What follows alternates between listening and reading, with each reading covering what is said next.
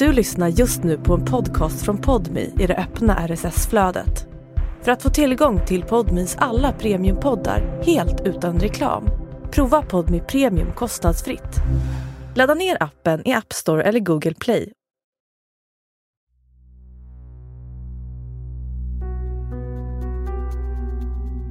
Det här är Utanför murarna, där jag och Sven Freje träffar människor som suttit i fängelse för grova brott, men som nu är ute i samhället.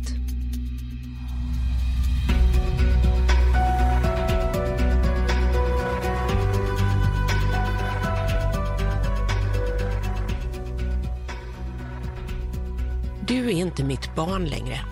Tänk att få höra de orden från sin egna mamma. Samtidigt som du sitter häktad för ett riktigt smutsigt rån där du riktat en pistol mot en kvinnas huvud. För Nour Habib var det de orden från mamma som blev vändpunkten. Och för en gångs skull kom vändpunkten tidigt i livet. Inte efter sådär 18 runder på kåken. Hon sa ju att jag inte längre är hennes son, att hon inte ville ha någonting med mig att göra. Och då tappade jag det helt och tänkte vad fan är det jag har hållit på med?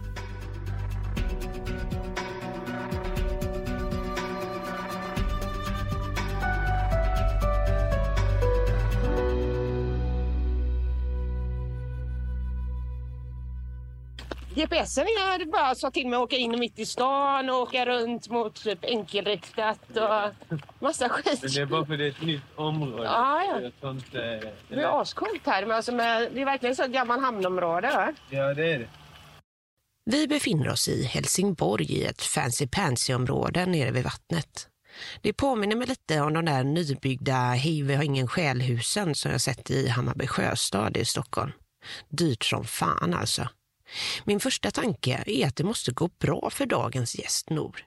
Antingen som i bra bra eller så håller han på med något skumt för här kan inga vanliga folk ha råd att bo. Men icke. Detta är bara vad han jobbar i ett sånt där kuddförsett eh, Google-inspirationshus. Och förutom att ha lyckats jobba på finkontor så verkar Nor vara eftertraktad som intervjuperson. Jag blev intervjuad igår. Alltså? Hela dagen. Nej, vem, av vem då? Av en tysk journalist. Jaha. Vad var det för då? Eller vad var det om? Om, alltså, jag fick ju frågorna innan. Ja. Men det var inte alls de frågorna så jag blev jättebesviken. Jag vill veta hur Nor så snabbt lyckades vända sitt liv. Från kriminell skitunge, rent ut sagt, till arbetande samhällsmedborgare. Men hans resa kanske ändå är politik. Ett recept på vad som faktiskt funkar för att lämna det kriminella livet. Så vi backar bandet lite. Hur började allt? Eh, Jag växte upp i Växjö. Eh, Flyttade till Helsingborg när jag var 12 år gammal. Och vad var det för område du hamnade i då? Eh, Det var ett område där det inte händer så mycket aktiviteter. Man ser inte positiva saker runt om sig. Det var liksom poliser, kriminalitet och så vidare. Det, det var normalt liksom. Ja, jag fattar vad han menar. Det låter precis som när jag bodde i Göteborgsförorten Biskop. Områden med hög arbetslöshet, fattigdom och usel integration. Skärm också såklart, gemenskap, men ofta en grogrund för att stöta på folk som redan är djupt involverade i kriminalitet. Flytten från lugna Växjö till ett sånt där område i Helsingborg blev nog start på att välja fel väg i livet. Hur påverkade det dig att växa upp i ett sånt område? Alltså det har ju format mig till den jag är idag. Jag ångrar ju inte att jag har fått gå igenom det jag har gått igenom. Eh, Så jag ser det ju som någonting positivt. Det som var negativt då, det var ju att jag eh, kunde vara liksom orsaken till att människor kanske ibland kände sig dåliga eller mm, ja, att de... eh, Jag har orsakat smärta för andra. Alltså kanske så fysiskt, inte fysisk smärta utan Psykisk. psykisk. Kan du berätta lite om dem, eh, liksom, vad var det för skit du gjorde liksom? Ja, det började ju med att på grund av att det inte fanns någonting att göra då så hittade man på bus. Och de här busen var då små kriminella handlingar som skadegörelser och bränder och sådana här saker. Bilbränder? Ja, någonting åt det hållet. Men eh, sen så utvecklades det och man ville visa framfötterna på olika sätt. Eh, så när vi busade så ville jag visa vad jag går för. Och du ville vara värst eller? Ja, jag ville passa in för att när jag bodde i Växjö då passade jag inte riktigt in. Det var ju ingen som ville vara med mig, ingen som ville leka med mig på fritiden. Så det var en stor skillnad. När jag flyttade till Helsingborg så blev jag väldigt omhändertagen. Och jag tänkte ju att jag aldrig skulle svika de här personerna. På grund av att de jag tog hand om mig på ett väldigt bra sätt. Liksom. Redan som tolvåring gjorde Nor sina första brott. Eller ja, han verkar inte ens klassa bränder och skadegörelse som brott, utan snarare bus.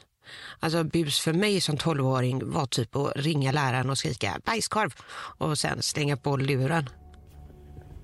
Eh, räknas, om skadegörelse räknas som brott så var jag ju tolv år gammal. Mm. Det är ganska ungt ändå. Ja. Alltså, jag bara funderar på när jag var 12, vad gjorde jag då? Alltså, det... Men, alltså, jag, jag såg det ju inte som kriminellt alltså, överhuvudtaget. Utan jag visste inte ens vad kriminalitet var då. Det var bus? Det var bus. Mm. Uh, bus som blev grövre och mm. roligare. Bränna och förstöra blev snart råna och förstöra människors liv. Nor ville visa sig på styva linan för de äldre grabbarna på torget i Helsingborg.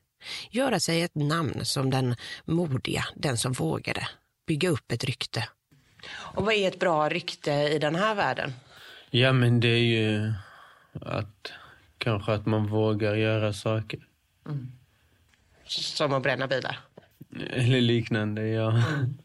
Vad var det som var grejen med det då? Alltså varför göra liksom destruktiva saker istället för bra grejer? Ja men alltså det var ju normalt runt omkring och du vet i, i detta här området tidigare så var det ju också så att det var ju jättemycket polisnärvaro. Och den här polisnärvaron fick en att känna att det finns en motståndsrörelse mot det här området, om man säger så. Det är liksom polisen fienden som, ni ska inte vara här? Nej, inte riktigt fiende, men det blev som att samhället är emot oss och det enda de vill är att få in eh, oss som bor här i detta området in till fängelse eller någonting sånt. De vill oss illa. Mm. Men det kanske inte är så konstigt att polisen är där om det är massa eh, små skitonåringar som bränner grejer vet, och skadegörelse. Ja, men det är också många som blir påverkade av det fast att de inte har gjort någonting. Mm. Och eh, det är det som väcker ännu mer frustration. För många år sedan gjorde jag ett reportage för SR om just det här. Folk i förorter, utsatta områden som växer upp med en känsla av att alla är emot dem. Jag kunde visa hur helt ostraffade vanliga Svenssons, eller ja, Mohammeds, på rutin blev stannade och visiterade av polisen trots att deras enda brott är att de ser fel ut och bor på fel ställe. Jag har blivit avsläppt i Frihamnen. Det är ingenting. De slängde mig, vad heter det, där borta, vad heter den? Head over to Hulu this March where our new shows and movies will keep you streaming all month long. Catch the award-winning movie Poor Things, starring Emma Stone, Mark Ruffalo, and Willem Dafoe. Check out the new documentary, Freaknik, The Wildest Party Never Told, about the iconic Atlanta Street Party. And don't miss FX's Shogun, a reimagining of the epic tale, starring Anna Sawai. So, what are you waiting for? Go stream something new on Hulu. Want flexibility? Take yoga. Want flexibility with your health insurance? Check out United Healthcare Insurance Plans. Underwritten by Golden Rule Insurance Company, they offer flexible, budget friendly medical, dental, and vision coverage that may be right for you. More at uh1.com.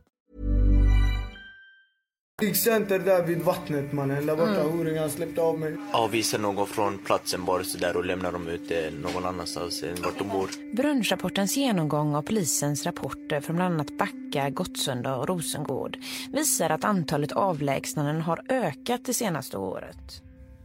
Något som skapar klyftor och en känsla av Jaha, om ni ändå behandlar mig som kriminell kan jag lika gärna vara det då. Det är dock ingen ursäkt för vad Nor sedan gjorde. Brottet som han åkte dit för vittnar om en oförmåga och förstår den psykiska skada man ger rånoffer. Nor och en polare klädde ut sig till byggarbetare och gick den 18 januari 2016 in på den lilla butiken Engelbrektsboden i Helsingborg med en plastmapp under armen för att låtsas att de var vänliga vägarbetare. Ja, men det var ju för att de inte skulle misstänka någonting när vi går in där. Utan att det skulle vara... Att det skulle vara liksom någonting normalt från början som då ska visa sig inte är så normalt. I butiken fanns två kvinnor. På övervakningsbilder syns hur två män med reflexvästar märkta NCC kommer in. Då är klockan 17.46. Tre minuter senare drar de fram en pistol och riktar den mot de skräckslagna kvinnorna. Det var typ en kolsyrepistol men måste känns högst verkligt för brottsoffren.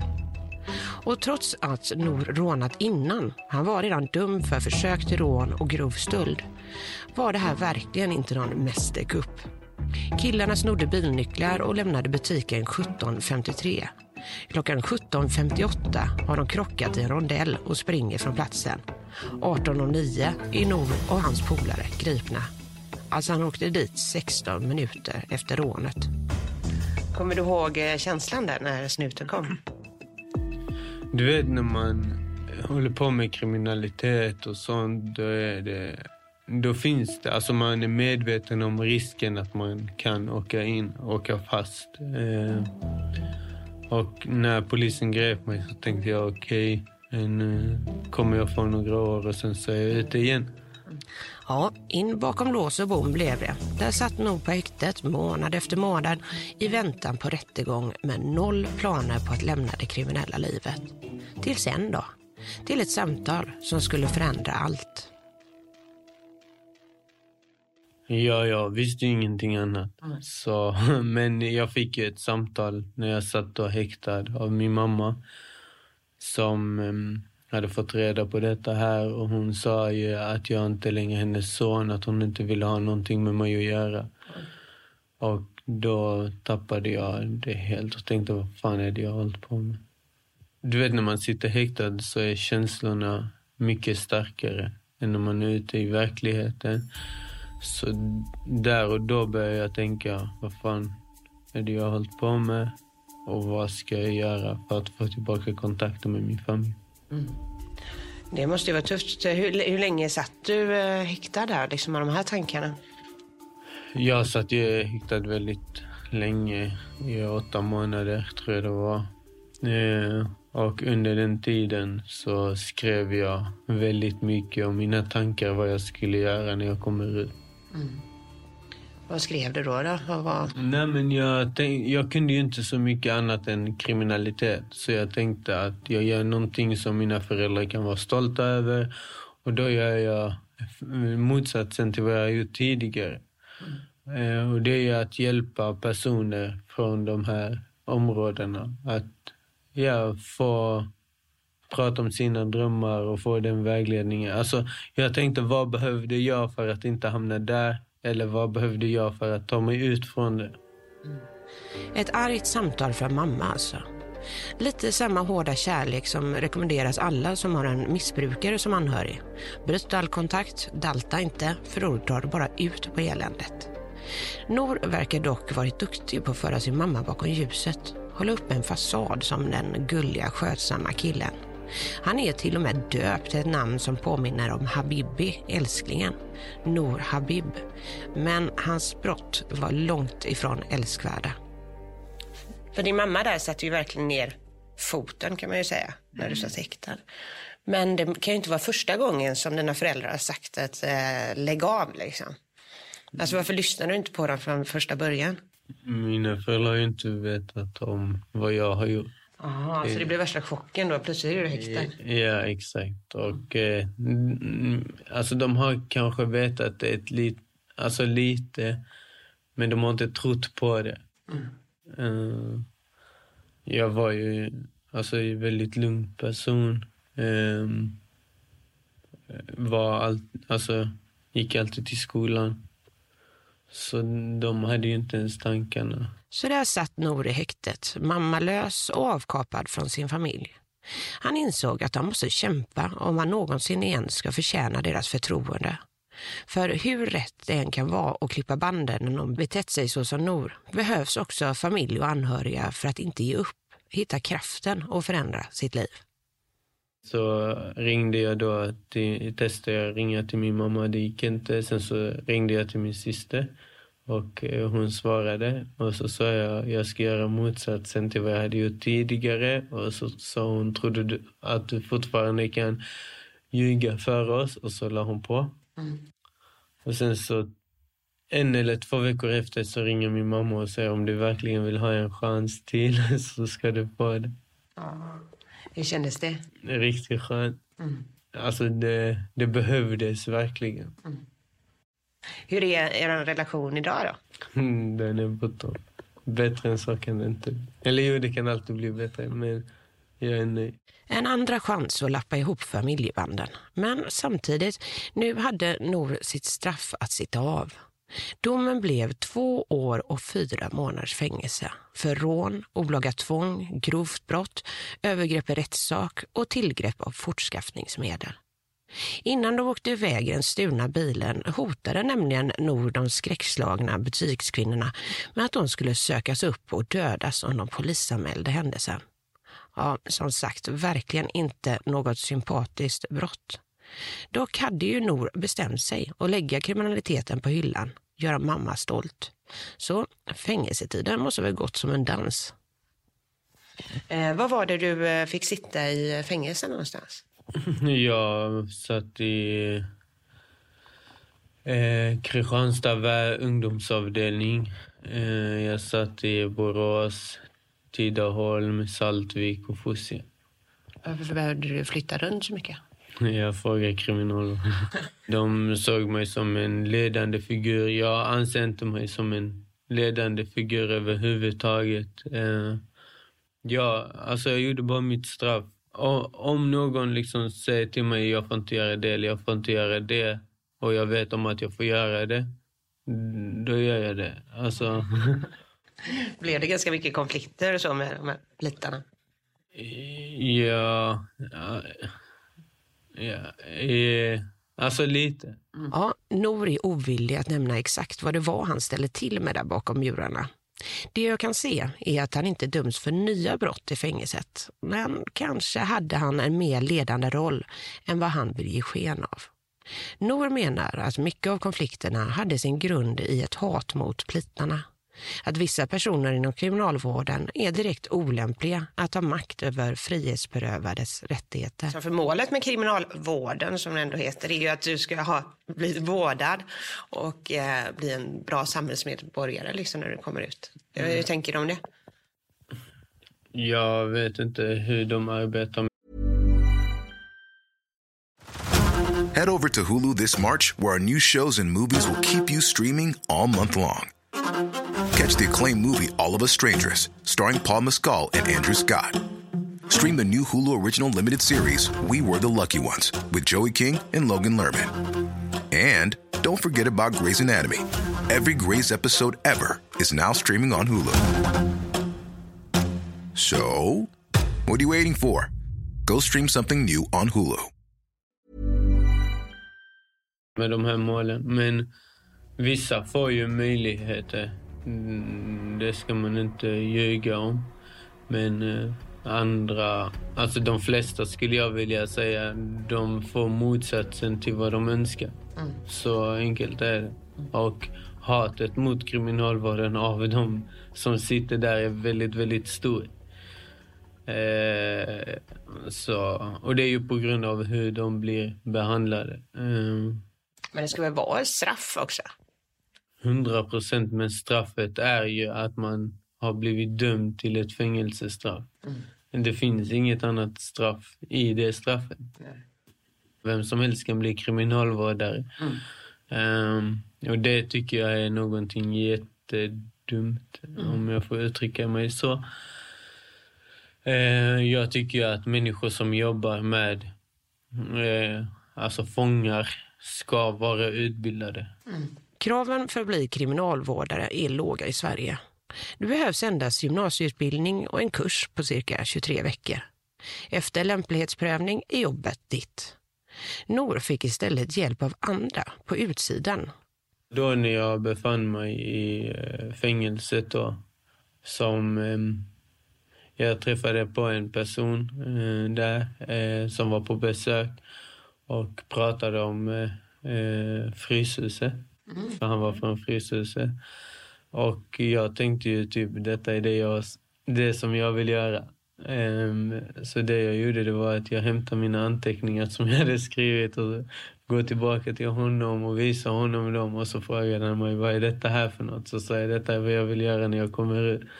Så började han skratta åt mig och säga till mig, vet du hur många personer det är som kommer till mig med sina idéer på vad de ska göra när de kommer ut.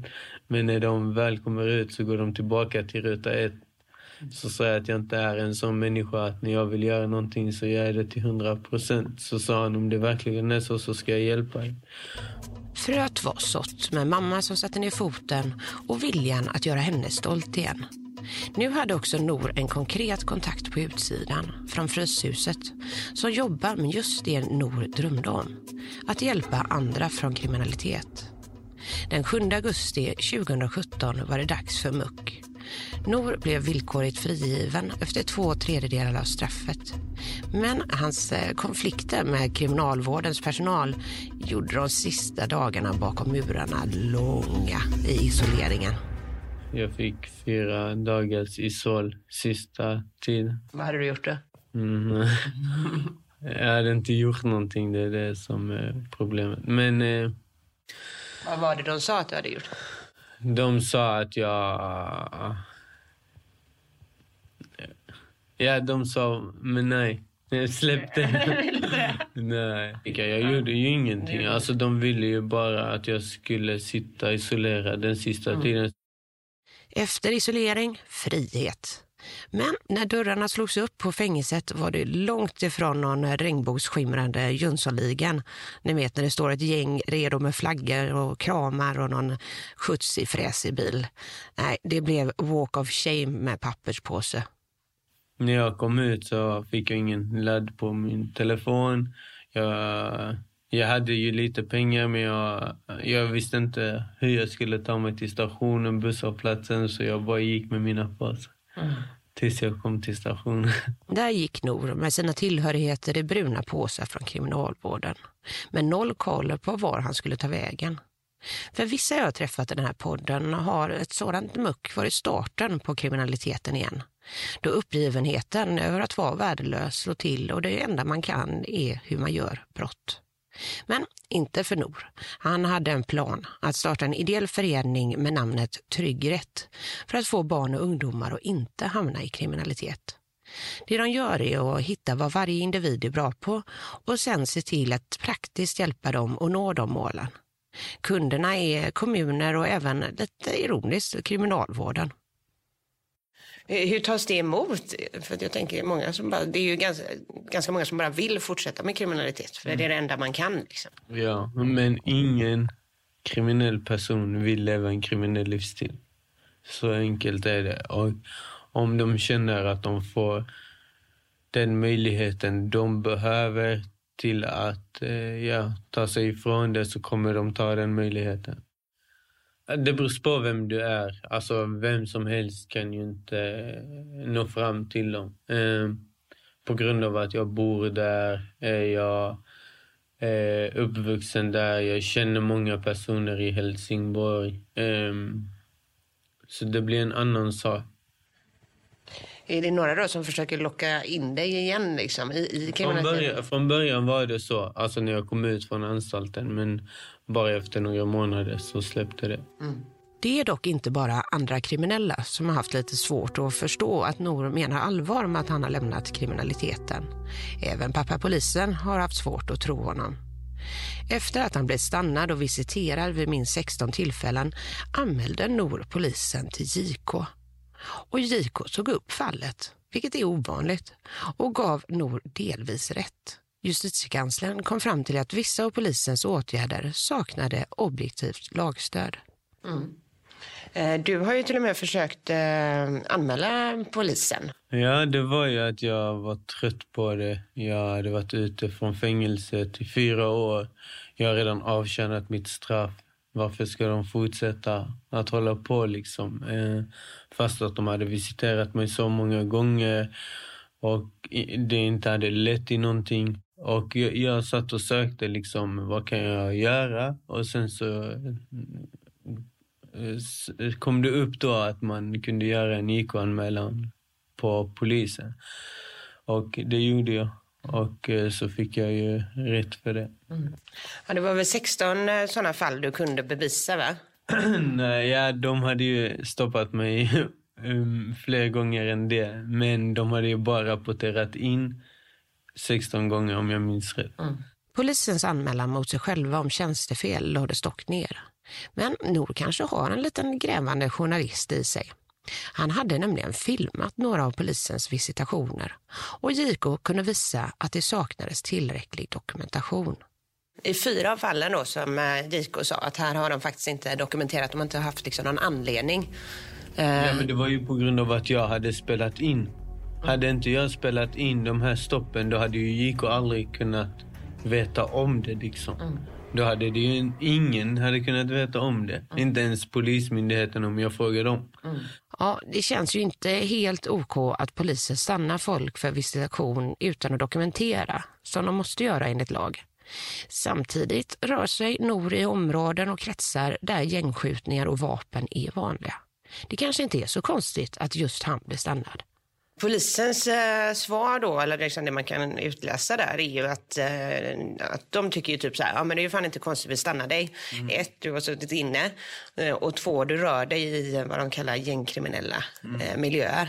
Men ja, jag befinner mig mycket i de här kretsarna på grund av att det är mitt jobb. Jag, eh, jag, ja, man kan inte jobba med våra metoder om man kommer utifrån, om man säger så. Vi jobbar ju inne i de här kretsarna för att visa andra möjligheter, visa andra eh, eh, kunskap om alternativ levnadssätt.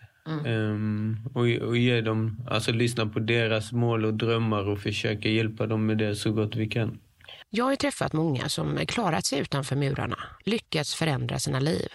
Men ofta är det inte en rak resa. Många faller dit igen några gånger innan poletten faller ner. Så vad är Nors hemlighet? Är det bara att kamma sig och skaffa ett jobb? Vad tror du är receptet för att folk ska eh, klara av liksom ett liv utanför murarna och inte begå fler brott? Men det är svårt, alltså så som samhället är byggt idag. Det är väldigt, väldigt, väldigt svårt att återanpassa sig in till samhället när man har avtjänat sitt fängelsestraff. Det blir liksom en dom utanför domen också. Och eh, det är liksom... eh, Du vet, allting är offentligt. Alla kan ta reda på om du är straffad tidigare och så vidare.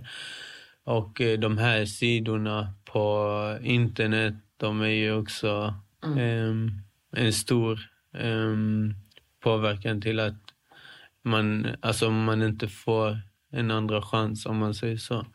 Eh, Men i dagens läge så är det ingen arbetsgivare som begär ut brottsregister förutom de offentliga arbetsplatserna då.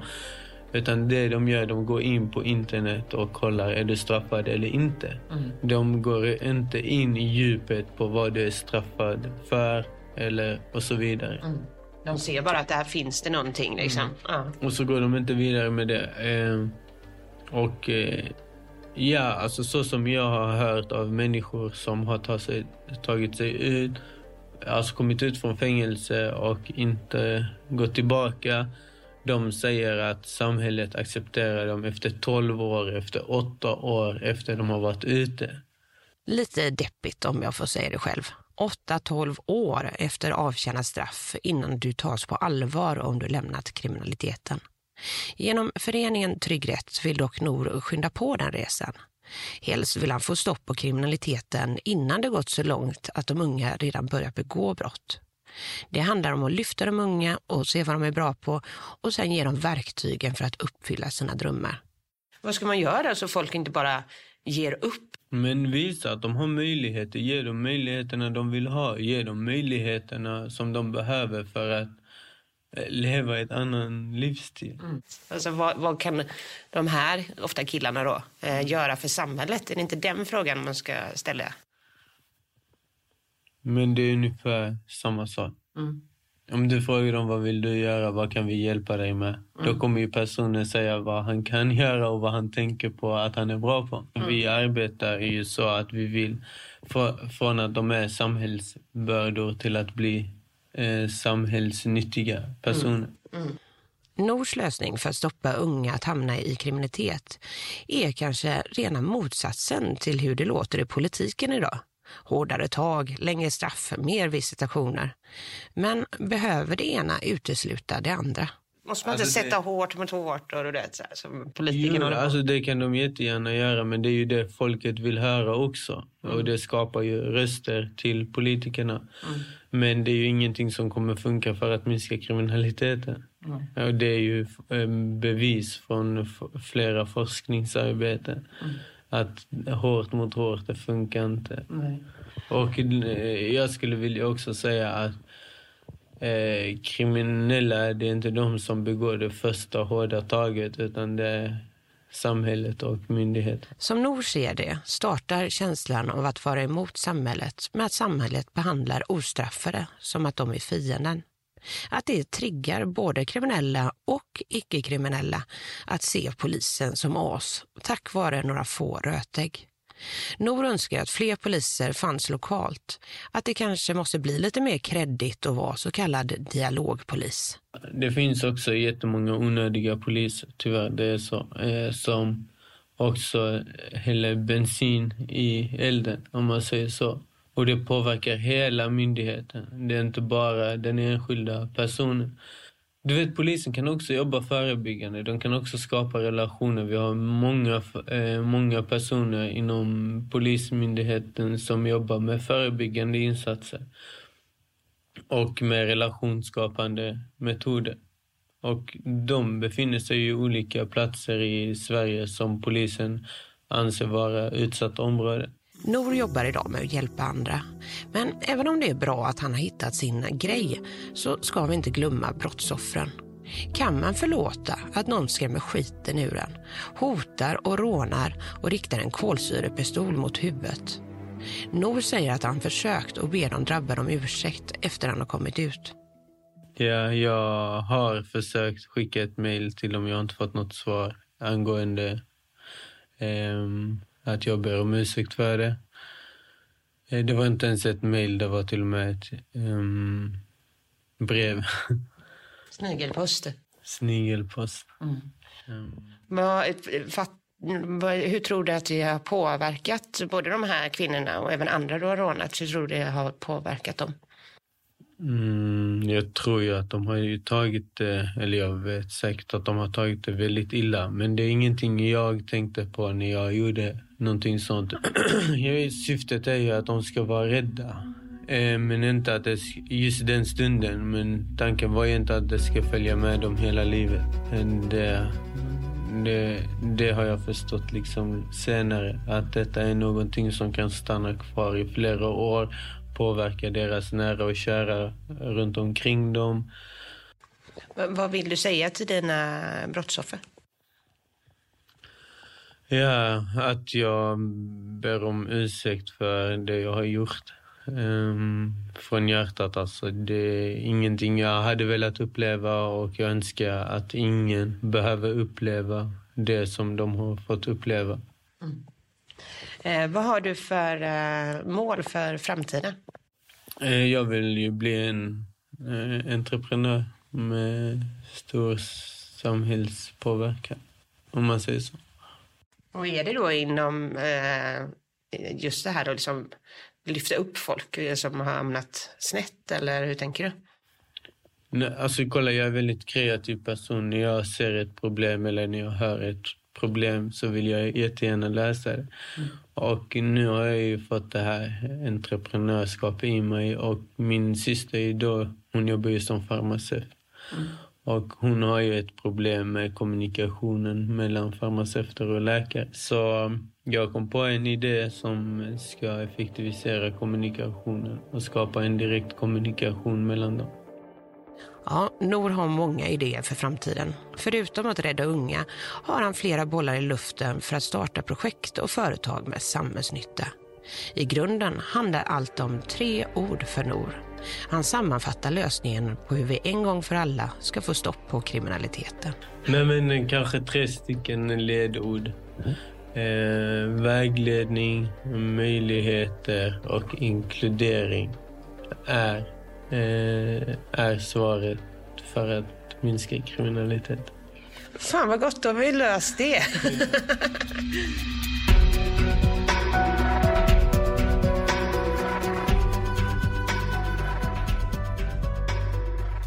Tack för att du har lyssnat på Utanför murarna. Jag heter Josefin Freje och du får jättegärna höra av dig med synpunkter eller tips på vem jag ska träffa härnäst. Mailen är utanformurarna.gmail.com du har lyssnat på Utanför murarna, en podd med exklusiv produktion av tredje statsmakten Media. Producerat av mig, Viktor Aldén, research av Jill Eriksson och Jennifer Ahlbom och ljudmix av Daniel Persson.